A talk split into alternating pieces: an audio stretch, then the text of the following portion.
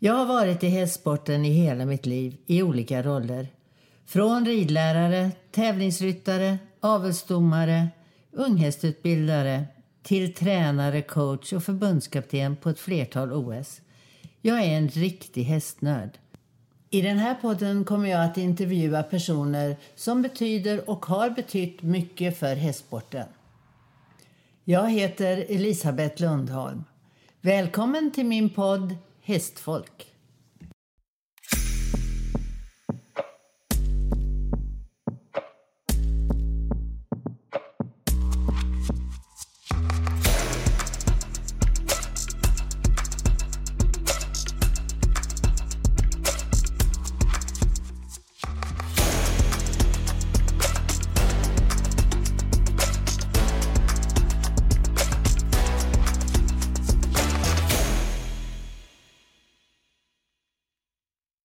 Välkomna till Hästfolk. Idag har jag förmånen att få lov att intervjua Malin Bajard.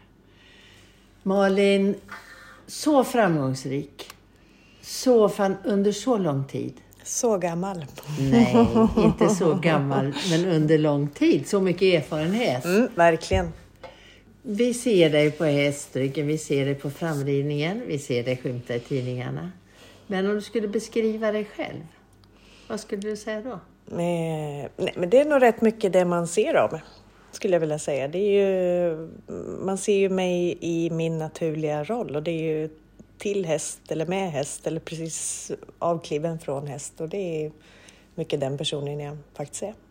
Jag tänker ibland när jag ser dig, jag har sett dig nu under många år på, när du går och laddar tror jag, eller i din bubbla. Och jag ser när du rider fram och, och så. Jag brukar tycka att det är roligt att stå och titta. Du har ett speciellt sätt med dina hästar. Som är så lugnt. Jag ser aldrig dig med några stora åthävor eller någonting. Och du är ändå... Det, det finns ju inte möjlighet att det är kraft, utan det är ju, du, har ju, en- du har ju ett sätt. Är, har du ett system eller är du väldigt anpassad till varje häst? Nej, det är nog mer... Dels så tror jag ju att det förstås är typen av häst Mm. som, som jag funkar med. Och det är ju hästar som, som inte vill att man är så tydlig, höll jag på att säga. Tydlig är jag nog, men ja, håller sig lugn i alla fall. Sen tror jag att jag... Ja, jag kan till viss del anpassa mig efter hästen, men hästarna måste också anpassa sig efter mig.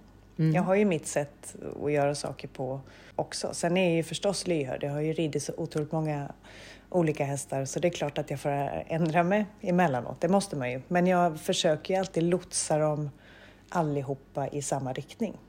Och det är ju i min riktning. Om du, hur började det för dig? Eh, Det började i Söderköping. Vi bodde i ett hus strax i utkanten av lilla Söderköping. Där båda mina storasystrar, jag har två storasystrar, började rida på ridskolan. Det var det man kunde göra där. Man gick till ridskolan eller gick och spelade fotboll. Och fotboll var aldrig min grej.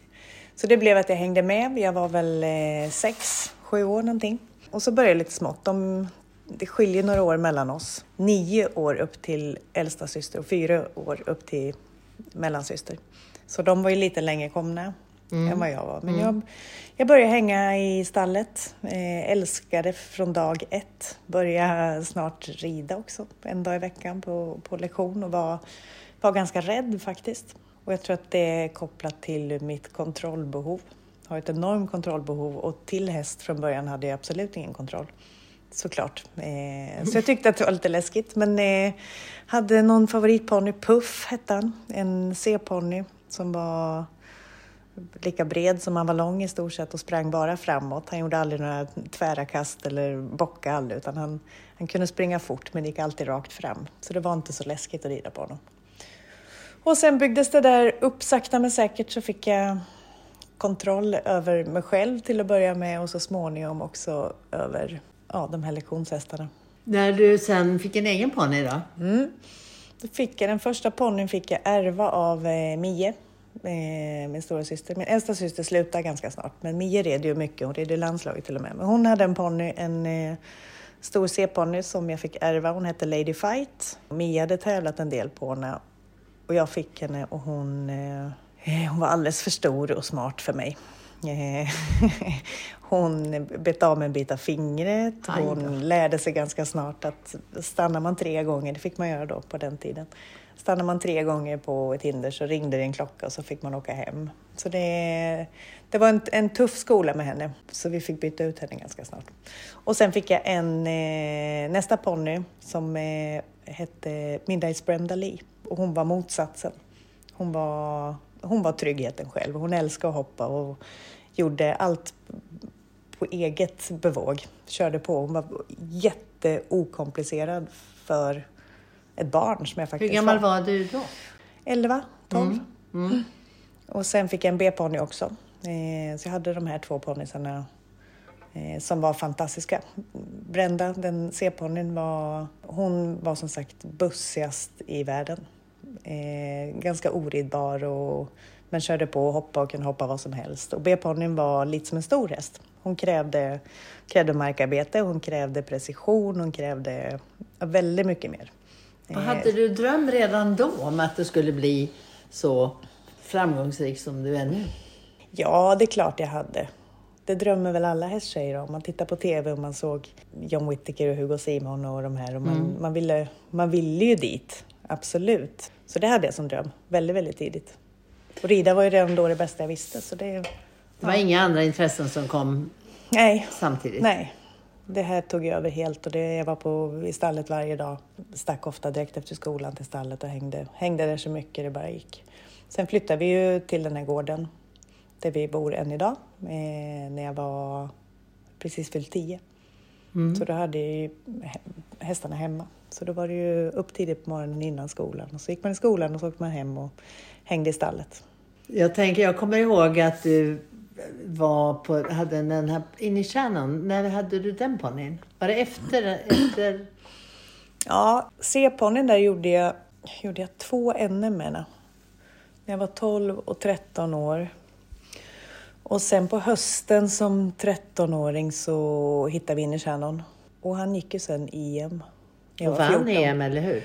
Ja, när jag var 15. Mm. Första året var jag väl eh, 10 tror jag individuellt. Vi tog ett silver i lag och så blev väl 10 individuellt. Sen vann jag individuellt året efter, 1990 var det.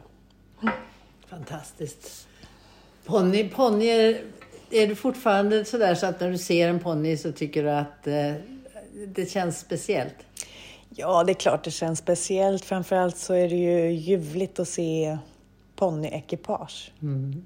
De här små söta flickorna för det mesta, men även pojkar förstås. Eh, med flätan i håret och... Nej, det är, det är fantastiskt. Ponnysarna är... Jag tänker att de är så otroligt viktiga för barn. När du, vad, vad tycker du om, om du tittar på ponnytävlingar idag och på, den, på sporten just när det gäller ponnyerna? Tycker du att det har förändrats så mycket? Jag ser lite för lite ponny för att, för att kunna avgöra det. Jag vet bara när jag, när jag gjorde mitt första EM, jag har sett det på film i efterhand också, det här var på Mill Street 1989, då var, då var hindren lika stora som ponnyerna.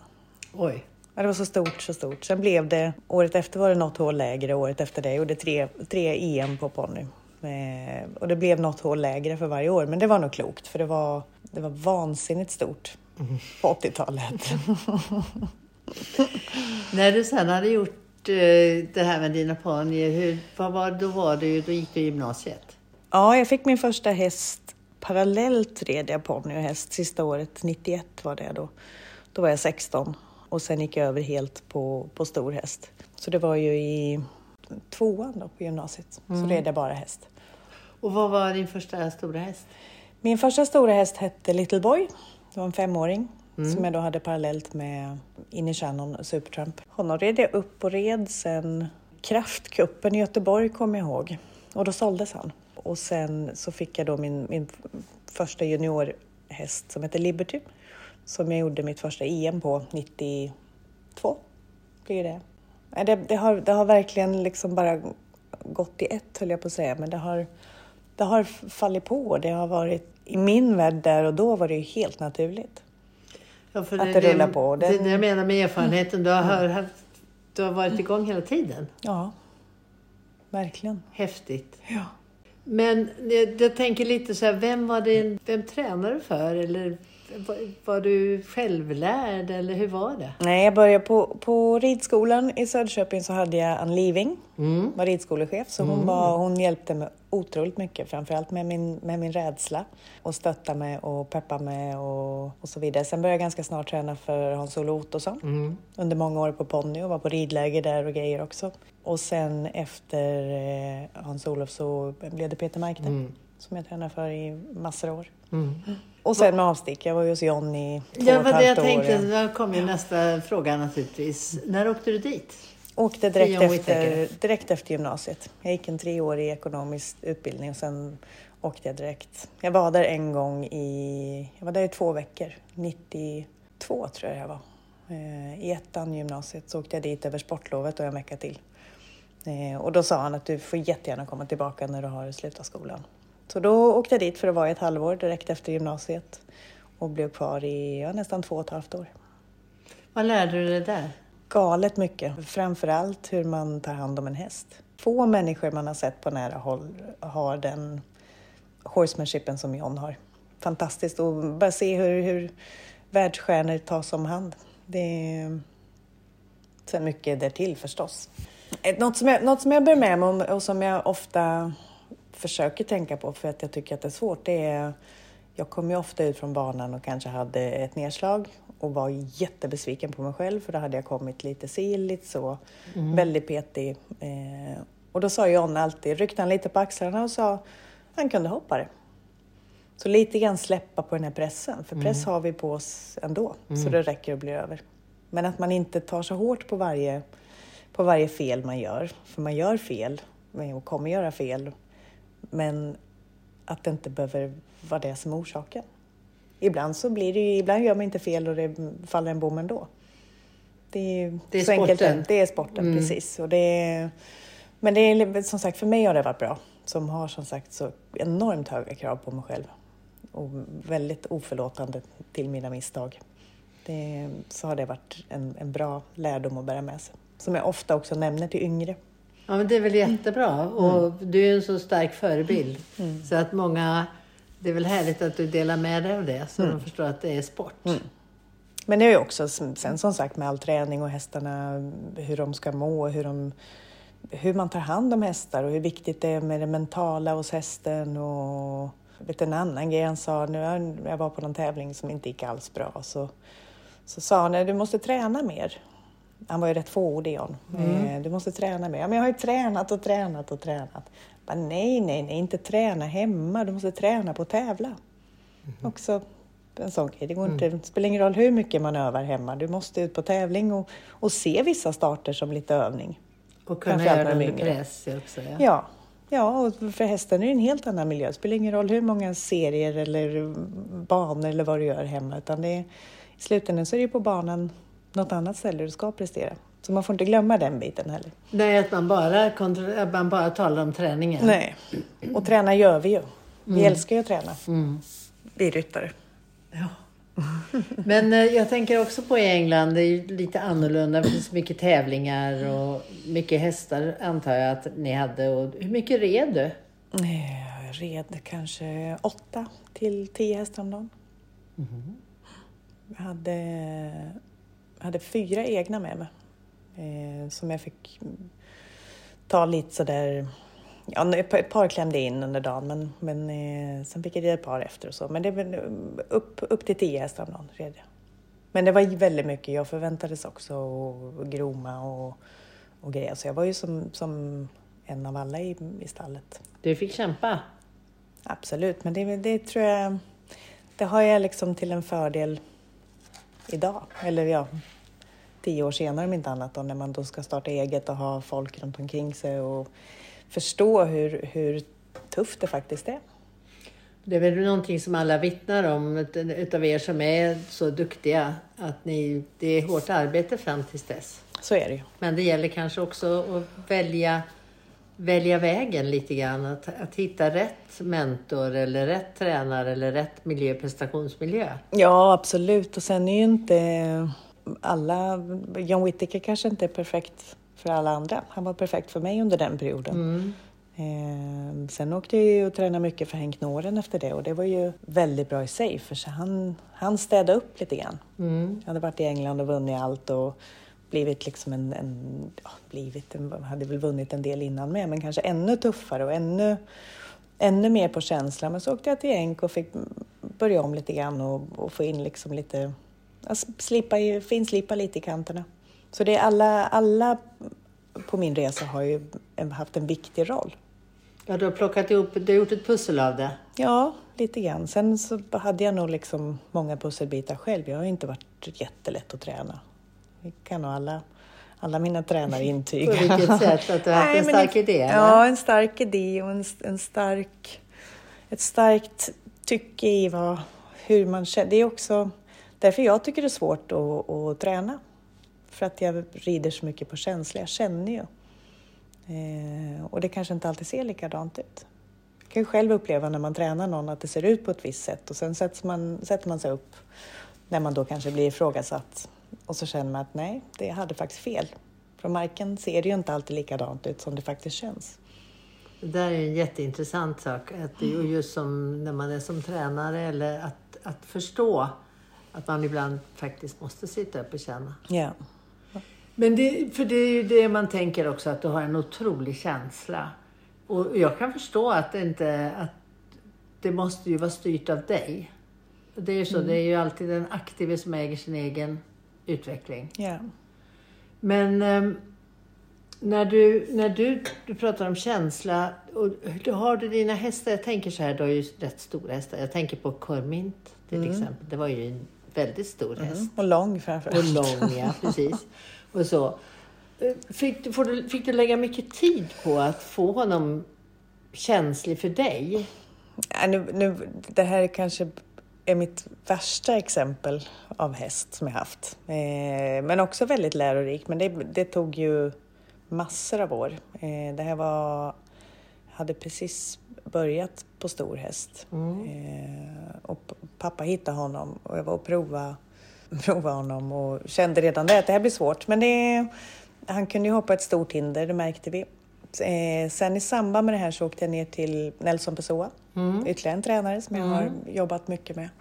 Och var där i tre veckor och tog med Cormint. Jag hade med eh, två andra hästar då, som var mina första hästar. Men tog med Cormint, tänkte att det kan vara bra att få hjälp på vägen. Och Necco, Nelson Pessoa, eh, satte upp på honom första dagen. Och jag tror han satt på honom i en och en halv timme. Han var mm. vansinnig. Och Cormint var ännu argare. Mm. Eh, så de, de bråkade i en och en halv, två timmar. Och sen tittade han inte på honom mer på tre veckor. Eh, utan bad då Jos Kumps som var och hjälpte Rodrigo mm. mycket. Eh, så han och jag pysslade i tre veckor och han hjälpte mig jättemycket. Han satt upp och han, han var med och han... Hade det inte varit för Jos så hade jag inte kommit i mål med, med Cormint. Spännande. Vad ja. var han hjälpte dig med? Nej, men han, på tal om känslig häst, det kanske är den absolut känsligaste häst jag haft, Cormint. Och på ett svårt sätt känslig. Och så var han ju stor och outbildad. Det var, var väldigt, mycket, väldigt mycket negativt från början. Mm. Och det var, eh, fick kämpa och jag trodde aldrig jag skulle komma i mål. Men eh, han, nej, men han hjälpte, han som sagt, han satt på en jätteofta, skritta, trava i en veckas tid. Mm. Bara försökte hitta knappar, försökte mm. ta lugnt. Men han, han, han hittade några, eller han hjälpte mig att hitta lite knappar och sen kunde jag jobba vidare på det. Det tog ett par år, absolut. Men eh, ja, vi gjorde ju till slut OS. Ja, fantastiskt. Ja. Man tänkte ofta, tänkte man, men Oj, den stora hästen och hur du måste, du måste vara, ha lagt väldigt mycket jobb på mm. att ni skulle vara ett, eh, att kunna samspela eftersom han måste ha varit stor och stark också. Ja, ja. Och men som sagt, ja, men väldigt känslig och det var väl räddningen. Hade han mm. varit så stor och, och stark och dessutom kanske lite okänslig hade det, hade det varit tuffare. Vilken var nästa häst sen som kom det, som du kände att det var verkligen Sen kom, ju, sen kom ju Flippan. Ja, Flippan kom, mm. kom hon direkt efter? Ja, hon kom när jag, när jag flyttade hem från eh, England. Mm. Så eh, åkte jag och eh, provade henne ganska snart. Mm. Eh, och tog hem henne. Då var ju hon bara sex år. Det här var 96. Nej, 97 kom jag hem, förlåt. Det är många år tillbaka. 97 kom jag hem och då var hon sex år. Och då fick jag hem henne. Eh, och kände... Jag kände nog ganska snart. Det var, det tog, provridningen var, var jättedålig. Och hon var hemsk. Hon bara for runt och sprätte och sparka och hade så. Men avsluta... Vi höjde upp något hinder lite grann och avslutade där. Och då kände jag liksom talangen i henne Mm. I som sagt en halv sekund, just det språnget. Och då kände jag att jag tar hem henne och, och lägger lite tid och ser vad det är. Och egentligen från, direkt från att hon kom hem så fick rida henne ett par dagar och fick lite liksom hejd på henne så, så kände jag att det här kan bli riktigt bra. Ja, det var ju verkligen ett, ett sammansvetsat par. Ja. ja, men hon var ju, om man jämför med Cormin som var alldeles för stor och svår Ja. eh, för mig men också för, för många andra hade han nog varit det. Så var ju hon den perfekta hästen för mig. Helt klart. Vad var det henne, i hennes personlighet som du tyckte om? Hennes begåvning förstår jag att du kände, men vad, vad, var, vad var hennes styrkor? hennes, som det har varit med de, de bästa hästar jag haft så är det ju att de vill. Mm. De vill lika mycket som jag. Det är ju, hon hade ju inte den perfekta tekniken. Hon var lite låst bak, hon var lite öppen fram, hon hoppade lite utan rygg, hon var lite för liten. Och många, många saker man kan poängtera som inte var bra, men i slutändan när man såg vad det blev så var hon perfekt. Ja. Så det, men som sagt, hennes inställning och vårt samspel. För man tänker, man tänker, det kan ju också vara någonting till alla som kanske, att man inte dömer ut en häst för fort utan att man verkligen tar sig tid. Ja, absolut. Samtidigt så kan jag känna att man, om man känner att det, det är kanske med åldern också i och för sig, och man ska ha tålamod och man ska, men om man känner tidigt att man aldrig kommer att reda ut det, så ska man också våga antingen ta hjälp tidigt så att man kanske kan komma igenom ett via någon annan. Eller som sagt kanske också känna att nej, det här kom, vi kommer inte kunna gå hela Man vägen behöver inte tillsammans. ha den prestigen. Nej, nej, och den är svår att inte ha när man är ung. Det kommer kanske också. Men det är ändå bra för många att höra det tror jag.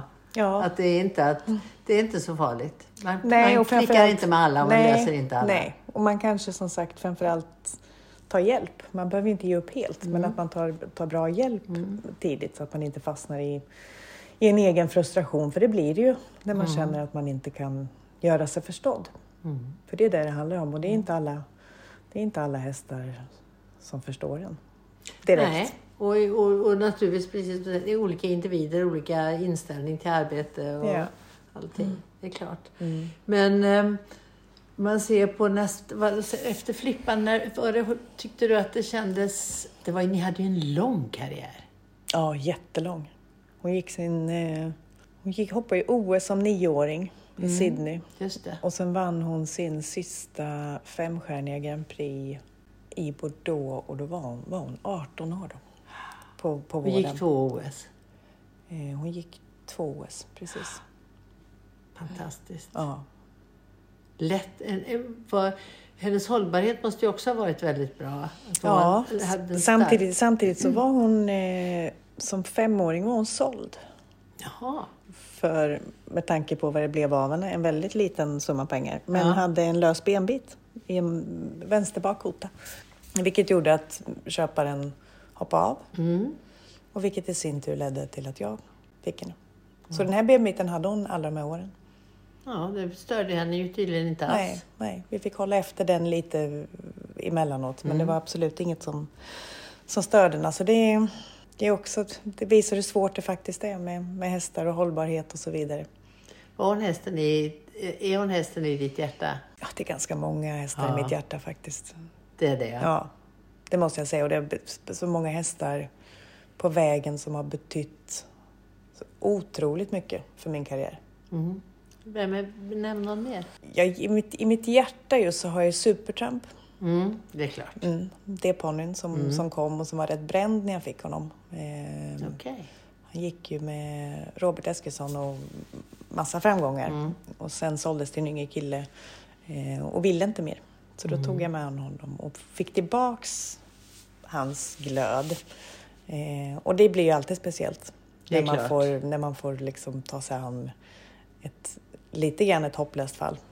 Men eh, blev hur bra som helst. Flippan förstås, Indy. Mm. Går ju liksom inte att Nej. på tal om speciella hästar. Men det, det är många däremellan också. Det är, det är hästar som man har... Räven är en sån som alltid kommer finnas kvar i, Mm. i hjärtat. Kormint. Men det har varit många svarta stunder med honom också när jag varit på väg att slita mitt hår. Men det blev så bra till slut också. Han gav mig så enormt mycket. Han tog mig upp hela vägen. Och det är ju galet viktigt. Hade inte han gjort det så hade väl inte Flippan kommit till mig, tänker jag. Nej, så det är väl lite sådana saker, allting hör ihop på Ja. något vis. Ja. Och allt han lärde mig. Mm. I sin svåra, så svår som han var, så lärde jag mig ju jättemycket. Jag kanske inte hade rätt ut Flippan om jag inte hade haft Kormint innan. Kanske är det så exempel. också att det är, en, det är på något sätt det där som är meningen att man ska vara... Då kanske, det är kanske därför du är så duktig på att lösa sam, problem med hästar, att få dem på din sida och få dem att jobba hela tiden. Ja. Sen kan jag ju inte lösa alla. Nej, det kan Det väl får man ingen. inte glömma. Det Nej. finns väl ingen som kan. Nej. Men, eller hur? Det finns väl ingen som kan. Nej. Jag tänker på, på just det här med henne, med Indiana, med sin, alltså sin, som är så stor. Och som, när man ser henne i boxen som jag gjorde på, när vi var i Tokyo så tänkte jag, oj, jag, har aldrig tänkt på att det är en sån, så pass mycket häst. Och så ser man all energin och allting. Och att du kan managera det så. Men hur lång tid tog det för dig innan du kände att nu, nu är det dags att gå ut i de större klasserna? Ja, det tog ett par år. Det gjorde det, ja. Mm. Mm. I och med att jag inte hade någon kontroll. Mm. Så tog det ett par år. Men du gav aldrig upp i början? Nej, det, jag kände några gånger att det kommer aldrig att gå. Mm. Eh, absolut. För det kändes verkligen som det. Hon har ju varit uppe på tal om tålamod, att man måste ha det. För det hon är en, en häst man absolut inte kan bli arg på. Då får hon panik. Så det går liksom inte att... Det går inte ens att... går knappt att vara tydlig med henne. För att hon då blir så stressad. Så det har varit att bara göra om, göra om, göra om. Inte göra rätt på många gånger, utan göra om, göra om, göra om, göra om. Göra om. För än idag så är det svårt att sakta av. Det är det. Fast vi har hållit på så länge. Så det är vissa grejer som inte... Som inte jag kommer aldrig komma riktigt i mål. Sen blir allting lite bättre för varje år. Och lite lättare. Men det är vissa grejer som inte går att... Eh, Ja, de lägger åt sidan. Ja, jag måste det. Mm. Jag kan inte ha... Jag kan inte... Vi, kan, vi blir, kommer aldrig bli helt perfekta vid sidan om. Vi är nästan till perfekta på banan nu. Ja, det är Och det får jag nog nöjd med. Ja, Liksom. Många andra som gör allt annat perfekt men det ändå inte funkar. Så det, jag har varit tvungen att jämka mycket med henne Mm. och ha mycket överseende. Men det å andra sidan är ju inga problem att ha när man, när man är som hon. Nej, och sen är väl det, det är väl en, också en viktig sak, tycker jag, för många att lyssna på. Att vissa saker får man lägga åt sidan. Ja. För en period om inte annat. Ja. Det är ju, man vill ju, eller man, jag som ryttare vill ju hemskt gärna att allt ska gå jättefort. Att man ska få alla pusselbitar på plats med en häst. Men det är ju få hästar som, som det gör det. Det kan ju gå väldigt snabbt en period och sen ofta får man ett, går det lite för fort så får man ju ofta ett, ett ganska ordentligt bakslag. Ja, grund, grundstyrkan och, Ja. och grundridningen, för det måste sitta, alltså Mm. ryggmärgen. Men jag tänker också på alltså, det var ju helt otroligt. Vi har ju fått uppleva sådana såna spännande stunder när du och, och, och hon har varit på banan och, och med allt det. Jag tänker också på, du säger du höll på ett par år. Hur byggde du upp hennes karriär? Hon var, hon var ju med mycket Mm. och fick åka med och hoppa, hoppa lägre klasser. Och vi har jag har försökt träna henne hemma, på tal om att, att det kan vara svårt. Men det tog ju kanske fem år innan jag kunde sitta i lugn och ro över små hinder. Och än idag så kan det vara svårt. Jag älskar ju att sitta på, jag hoppar ju inte så stort hemma. Nej. Hoppar mycket hellre låga grejer och cavalettis och liknande. Men Mm. det är jättesvårt med henne. Hon lägger ju in tävlingsväxeln direkt och kör liksom. Så det, men nu, nu kan det gå ett par stycken, några språng sådär. Sen så fort jag märker att hon, att hon laddar på, att, ja, Mm. så får jag sluta. För det går inte att komma förbi det då. då bara, ju mer jag ältar, ju mer spårar hon ur. Så då, får jag, då hittar jag på något annat istället. Det är, det är också en sån viktig sak att, att lämna med till de som kämpar nu, som är yngre. Att vägen är inte rak. Nej, verkligen inte. Hon är ju bättre på att tävla än att träna. Hon är ju hon är en av de få hästar älskar att hoppa mina hästar, jag älskar att träna dem. Och, men hon är en av de få jag inte tycker om att hoppa hemma. För att det är så svårt. Än idag så är det, Så är det svårt. ja. Hur, men just konditionsmässigt och sådär, kan du rida henne ute eller kan du sitta och bara arbeta henne på marken? Utan Ja, idag är hon, ja, idag är hon ju jättefin på backen. Ja. får jag lov att säga. Så fin som hon kan bli i alla fall. Och hon kan allting. Och hon, så det sen försöker ju tävla. Så hon, hon går ju. Hon, hennes viloperioder, det är ju inte att hon inte rids då, Nej. utan hon, är, hon hålls igång hela tiden. Eh, också för att hon är, hon är ganska dålig på att bli för pigg. Då blir hon galen i hagen och blir, det blir liksom en ond Alltså, cirkel. Så vi håller alltid igång henne ja. Ja. Mm. Då tappar hon det lätt. Så hon, hon rids mycket. Sen är hon mycket i skogen och jättesnäll så. så det, Det är bra. ja. Kunna det, är ingen, det det är en väldigt Mm. snäll häst. Mm. Det finns inget elakt i henne. Hon är oerhört vänlig och vill, vill göra rätt. Det är bara att hon inte alltid förstår vad rätt är. När du, när du eh, hade OS framför dig, tar vi det bara. Det finns ju många andra tävlingar också naturligtvis, men jag tänker eftersom det är någonting som alla kan se framför sig. Mm. Hur, hur långt innan visste du att, att du kände att ni var beredda? Nej, det var ganska länge faktiskt. Det är ju, Flera år? Ja, det skulle jag vilja säga. Mm. Eh, sen vet man ju aldrig, det svår, det, vår svåraste uppgift är ju att försöka pricka den här formen just den veckan. Mm. Och det är alltid svårt. Nu lyckades vi ju verkligen med det. Otroligt. Ja. Den helgen. Men det, nej, vi var, vi var redo länge. Ja, för jag, tänkte- det, var det, det, var, det var det som jag funderade på. Därför att du har ju haft, det här säger ju att du hade haft den i flera år. Att det hade, så du har ju säkert lagt en väldigt klar plan med henne. Absolut. Och hon gick ju sitt första mästerskap i Tryon, VM. Ja, just det. det gjorde hon, ja. Eh, och från det så, så har ju allt bara blivit bättre och bättre. Mm. Och kan känna att det fortfarande blir bättre och bättre. Mm. Hur gammal är hon nu? Eh, hon är 14. Ja, det är ingen ålder. Nej. Men eh, därför att jag tänker på om när du vill, precis perioden innan du ska hoppa en stor tävling.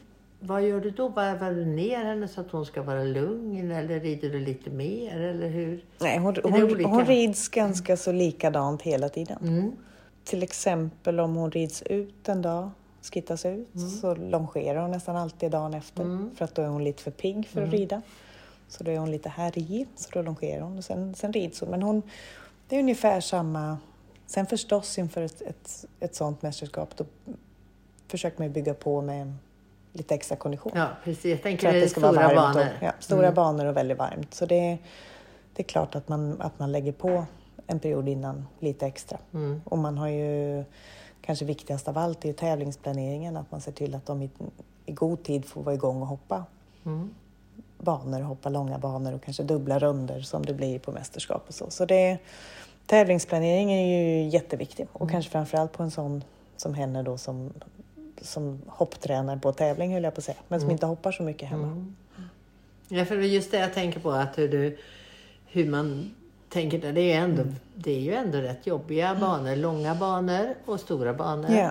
Och ett tempo som, som idag är ganska häftigt. Ja, absolut. Men vi har det ju på de flesta tävlingarna å andra sidan. Så därför är de ju så förberedda. Ja, de är förberedda och det är klart att det blir något hål högre men för, för en sån som henne så är inte det några problem. Nej, det ser inte ut så. Nej. De som du har i, i, som kommer efter. Mm. Känns, har du många som, som du vill satsa på eller som du tror ska kunna bli nästa Indian? Ett, jag måste ju tro på alla som står i stallet. Mm. Det är ju mitt jobb. Så länge jag har dem i min träning så måste jag tro på dem på ett eller annat sätt. Så, så måste jag behålla hoppet. Mm.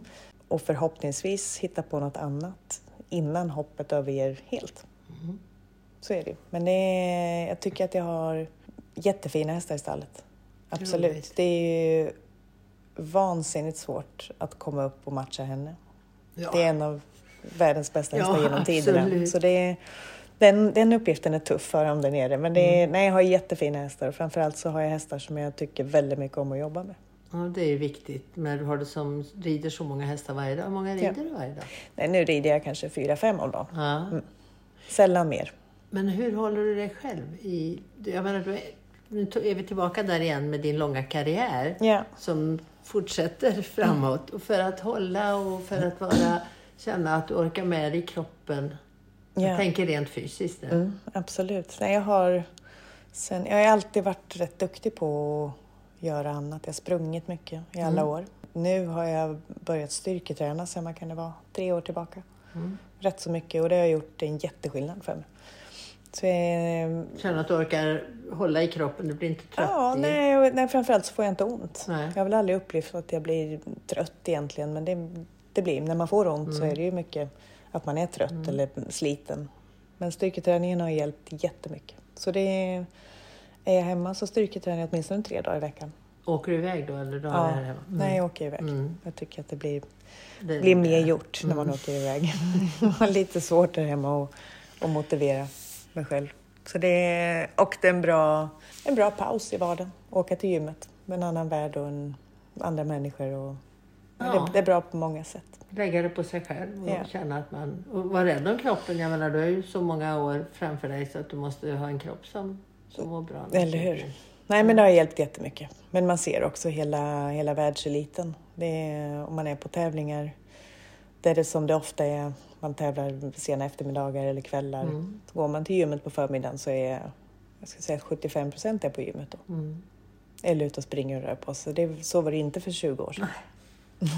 Såg annorlunda ut kan man säga. Ja, verkligen. Så det, nej, det, har ju, det har ju blivit en stor skillnad i världseliten.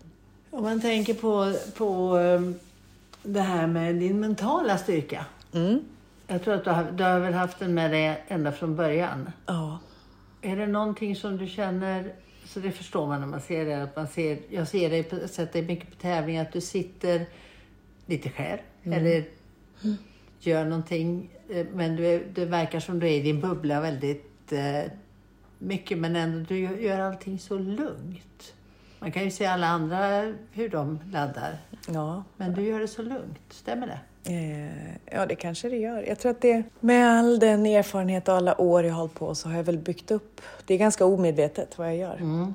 För att det går av sig självt idag. Men det, det mentala är ju på väg att säga det viktigaste, men det är det ju absolut inte. Det är en lång väg att komma till start. Men väl tävlingsdagen så är ju det mentala kanske det som kan förstöra mest, om inte annat.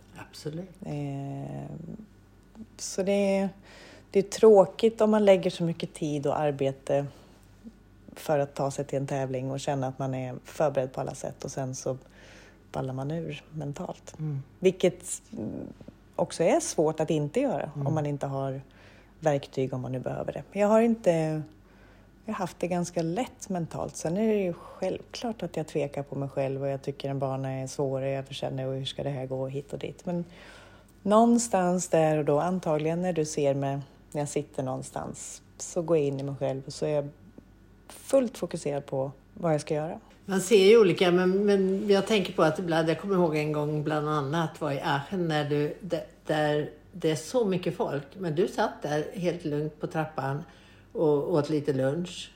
Och, och då förstår ju alla som går att de inte stör dig. Du kan nog utesluta det mesta där. Det tycker jag var, det, det tänkte jag på att det var att göra det lugnt måste betyda väldigt mycket. Att du har ett system i dig själv. Ja, men jag har nog det. Jag tänker ju inte på det i och med att det Nej. Och har, har egentligen aldrig haft några problem mentalt. Varit oerhört stark och trygg hela vägen, även om det är vissa gånger att man är nervös. Klart. Det är man ju. Ja, Och det känns, ja, man har känslan att man aldrig mer vill göra det här och så vidare. Eh, Men man väl har gjort det så är det det bästa som finns. Men det är väl också, det, jag tror att ner- nerverna är ett måste också för att prestera. för att vara på tårna. Ja, Mm. så är det. Om vi går till, till VM eller OS eller de, alltså det, var, det är fantastiska, det är historiska prestationer ni har gjort. Har du hunnit njuta av det? Ja, delvis. Samtidigt så är vi ju, jag är ju, jag tror en av mina styrkor är att jag inte ältar saker. Och kanske framförallt då motgångar, för det är ju lätt att man ältar motgångar och ältar vad man har gjort fel och vad som inte funkar. Men det har jag aldrig gjort. Jag vet ju när jag kommer ut från banan vad jag har gjort för fel. Alltid. Det är ju, blir det fel så är det ju jag som har gjort fel av en eller annan. Men det behöver jag inte älta, det vet jag om då. Men lite samma sak så tror jag att jag går vidare från framgångar med. Det är klart jag njuter men jag kan ju inte fastna i det för nästa vecka eller nästa dag så är det en ny, en Ny ny, runda, en ny prestation, en ny tävlingsplats, en ny bana. Mm. Så det sen absolut så kan jag ju tänka tillbaks och njuta för stunden Mm. och vara stolt framförallt. Ja, Oerhört stolt är jag att vi, att vi lyckats ta de där två gulden. Och det är så härligt att höra det, för jag tror att det är någonting att, att just det här med stolthet och att, känna, att, att verkligen göra det. Det är väl många yngre också som... För det är press ni tävlar under hela tiden. Mm, Eller hur? Och ju bättre det går, ju mer press får man. absolut. Men det är ju också en härlig sätt att höra det du säger, att nästa dag är nya hästar som ska ridas, Ja. eller nya tävlingar. Ja. ja, så är det ju. Och det är det som har gjort att, att vi är så framgångsrika som vi är. Det är inget, det går inte att det går inte fastna i glädjeruset. Liksom. Man, men det kan man ju inte heller göra. Man hoppar upp på någon ny och så går det åt skogen så är man nere på backen igen. Man får en käftsmäll direkt. Ja. Jag tänkte när jag såg er där, alltså man kunde känna runt ert lag att det fanns en så starkt fokus. Ja, men vi åkte ju också till OS och det var bara en sak som gällde. Allt annat hade varit katastrof. Så den känslan hade vi när vi kom dit. Och i det levde vi den här veckan innan det drog igång. Men det kändes för oss andra som var där så kände man liksom att det var så starkt. Ja, Ni trodde så starkt antar jag på, på det ni skulle, och det säger du också, på det ni skulle göra. Och också att ni hade så väldiga rutiner, eller hur? ja. Ja, Det var så, eller? ja absolut. Supertydligt. Men jag tror också vi har, vi har gjort det så många gånger och vi har varit nära så många gånger. Vi har misslyckats så många gånger. Så det var, vi kände väl allihop att det här är vår tur. Mm. Eh, nu, nu måste vi få till det. Och det, ja, det är klart vi trodde på det, men det är också en fruktansvärd känsla. Mm. Att veta att vinner vi inte så är det en enorm bes, besvikelse på oss själva. Så det är ju en, det är en ja. vansinnig press vi la på oss själva, allihopa. Tror du att man måste vara så rutinerad och så erfaren för att kunna prestera under, på det sättet som, med den pressen som ni satte på er själva? Jag tror att det underlättar, absolut, att med den erfarenheten. Men det finns ju också det finns ju yngre som har den förmågan från början. Absolut. Men för jag tänker på att eh, har man upplevt med och motgångar så är man säkert stark. Ja, samtidigt som när man har gjort det så många gånger och inte riktigt lyckats så många gånger så ju, finns det en viss tvivel. Det är Också. intressant också. Ja, Eller kan ja. finnas, Mm. såklart. Eller man, vet, man vet ju hur verkligheten ser ut. Mm.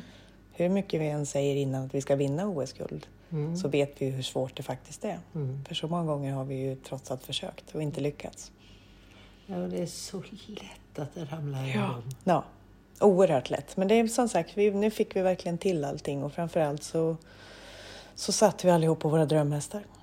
Och det underlättar ju när man ska vinna OS. Vilka hästar! Det är helt otroligt. Ja. Alltså, kommer det finnas såna, tre stycken sådana hästar eller fyra på, på, Nej, jag tror inte det. Inte, inte i den formen, inte den... på samma gång? Nej, det har ju aldrig hänt innan så jag tror att det, jag tror att det är väldigt svårt Otroligt. Att det händer igen. Så det och det vet vi om- själva också. Mm. Det gav så mycket inspiration till så många.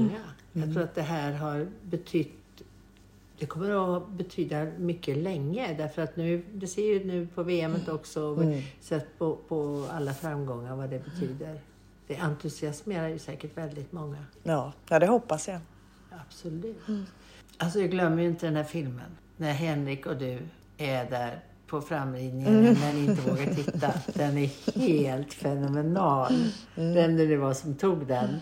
Ja, det är någon av, eh, jag tror det är Tia, Henriks, Henriks Grom. Alltså den är obetalbar på Ja. er där. Och, och de känslorna inombords innan det var klart, de måste ha varit helt otroliga.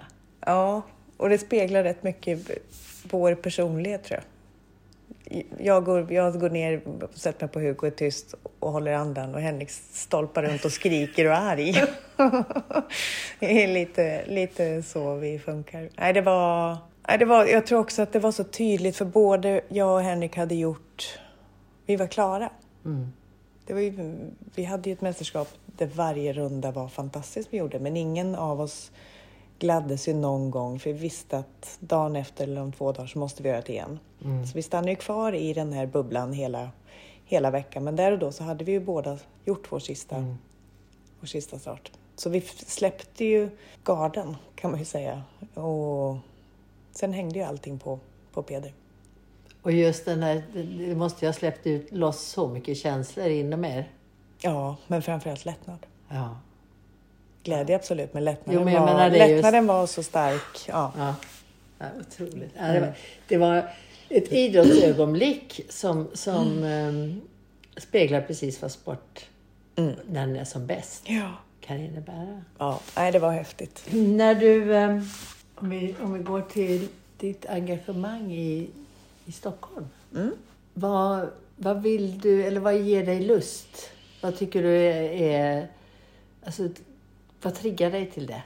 Sto- Stockholm är ju det är en fantastisk tävling, tycker jag. Väldigt, väldigt roligt att vara delaktig Mm. i den. Det är ju liksom en...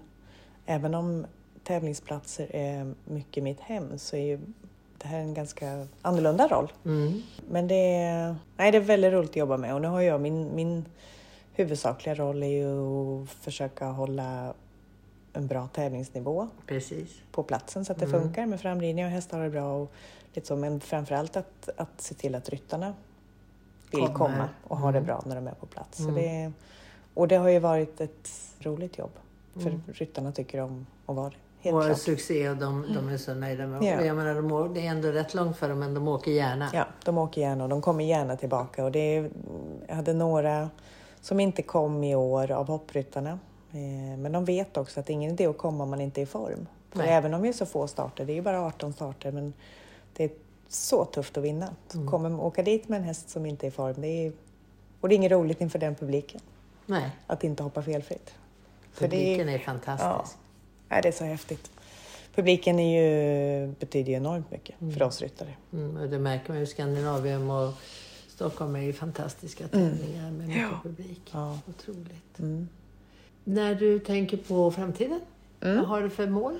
Jag har som mål till att börja med att njuta så mycket av mig och Indiana som vi bara kan. Vi har ju några år kvar Jo, förhoppningsvis. Eh, vi har ett OS om ett och ett halvt år. det går så fort Ja. emellan i och med att det blev som det blev med Ja, fördelen med att det låg ett år sent så vart det inte så långt emellan. Nej, så det, jag, det skulle jag ju väldigt gärna vilja göra Mm. med henne. Mm. Eh, sen har jag ju, jag har ju världens roligaste jobb. Det bästa jag vet är ju att, att jobba med hästar.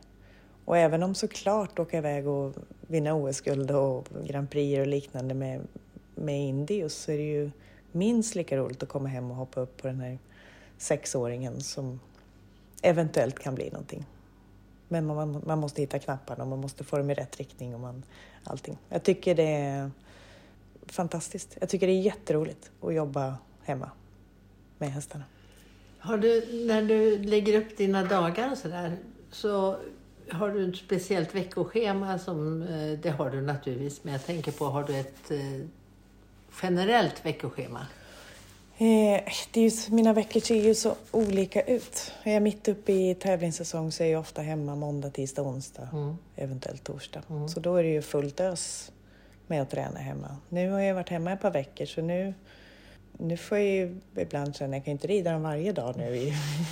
Utan de måste ju få gå ut i skogen. De måste, så vidare. Men det, de ser, det ser ungefär likadant ut. Och jag har ju koll på vad varje häst gör och, Mm. eh, varje dag, varje vecka. Men som sagt, det läggs upp lite efter hur jag är hemma.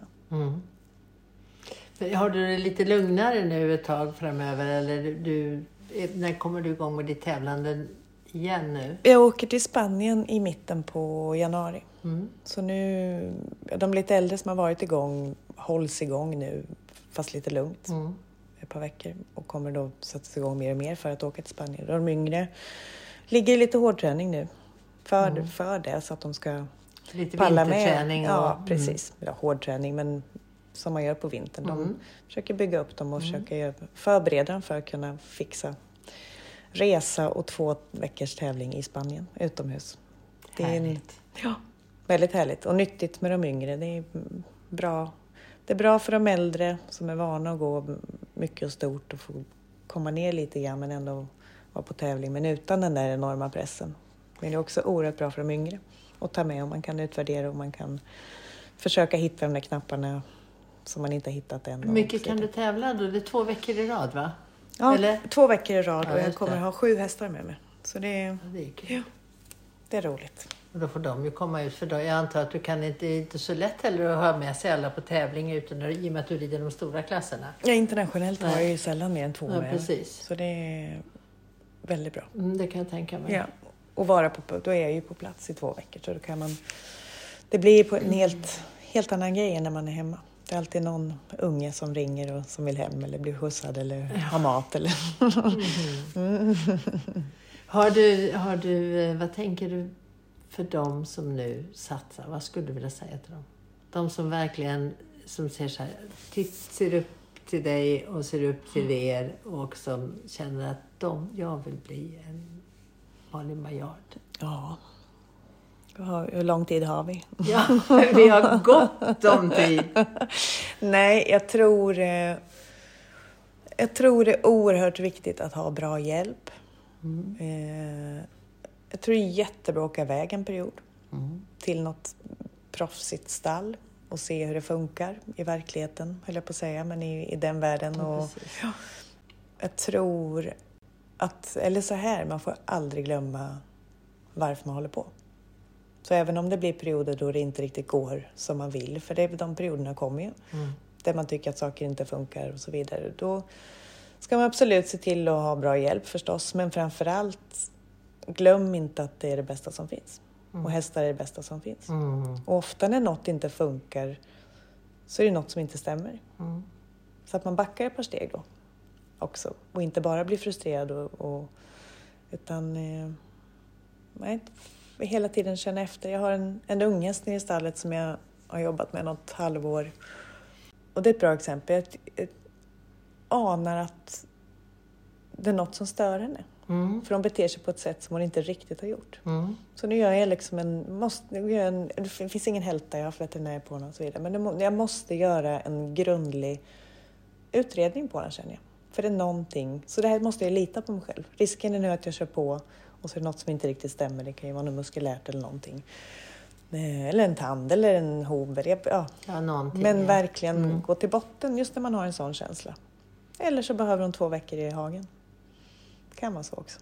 Men att man hela tiden litar lite på sin intuition. Känner man att något inte riktigt stämmer så utvärdera det liksom.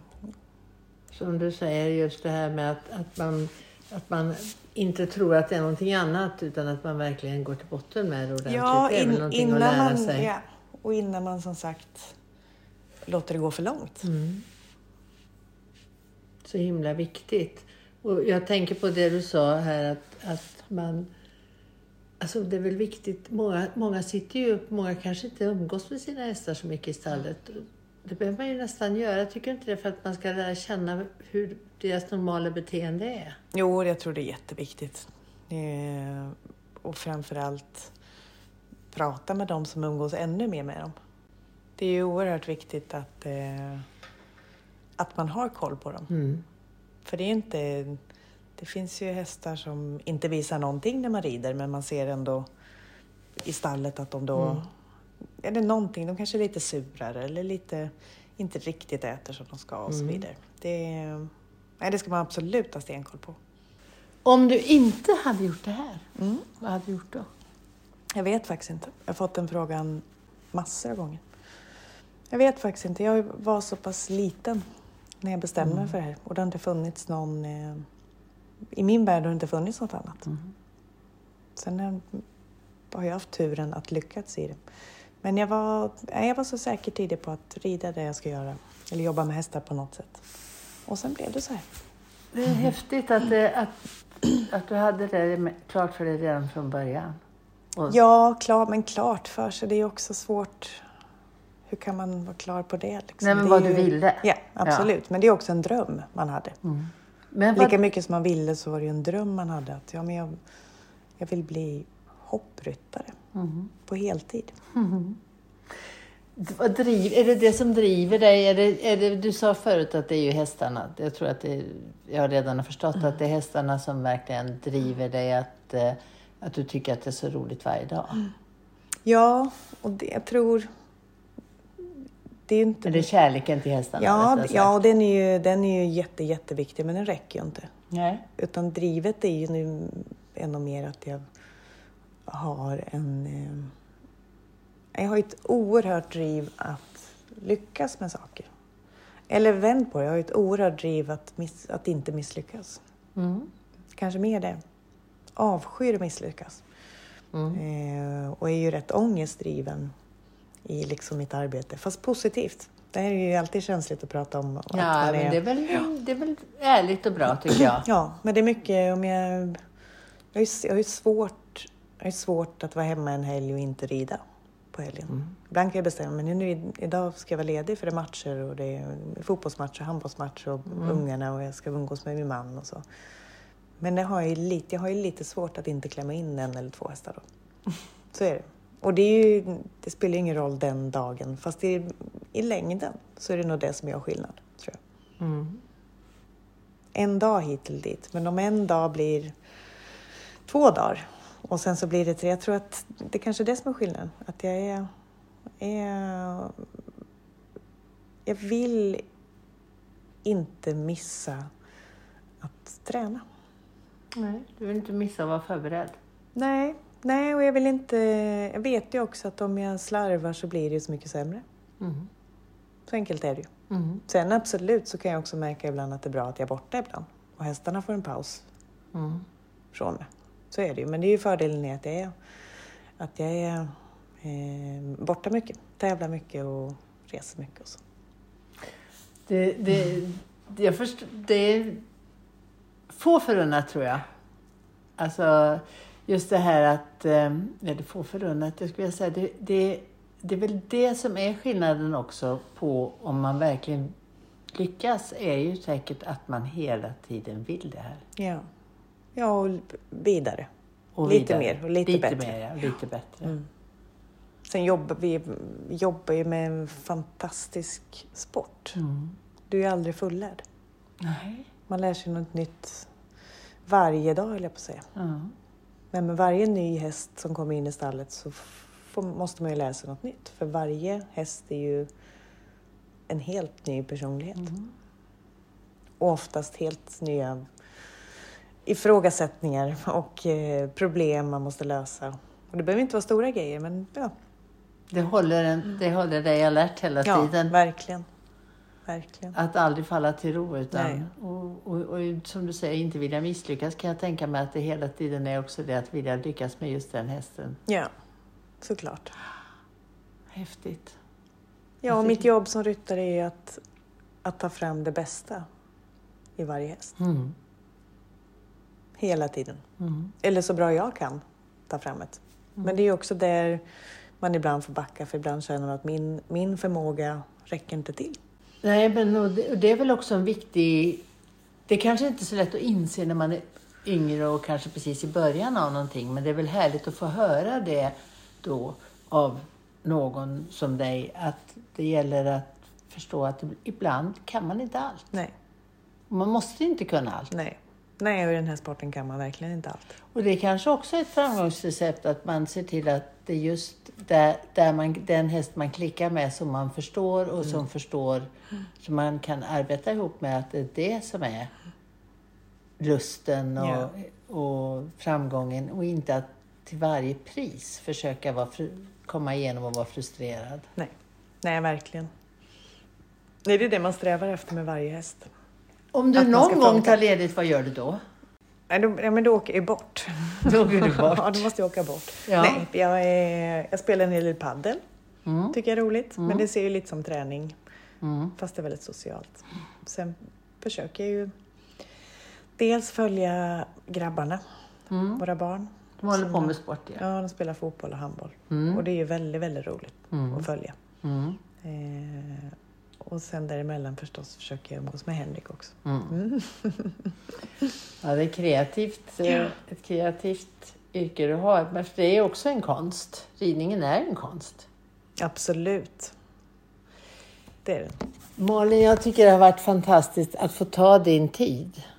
Det var roligt Och- att du gjorde det. Det var så intressant. Jag skulle kunna ha hur mycket frågor som helst, men jag ska också ha respekt för din tid. Nej, ingen fara. Det har varit väldigt trevligt. Ja, kul. Tack snälla Malin för att jag fick komma hit. Tack. Och tack för att ni har lyssnat på Hästfolkpodden. Vi hörs snart igen.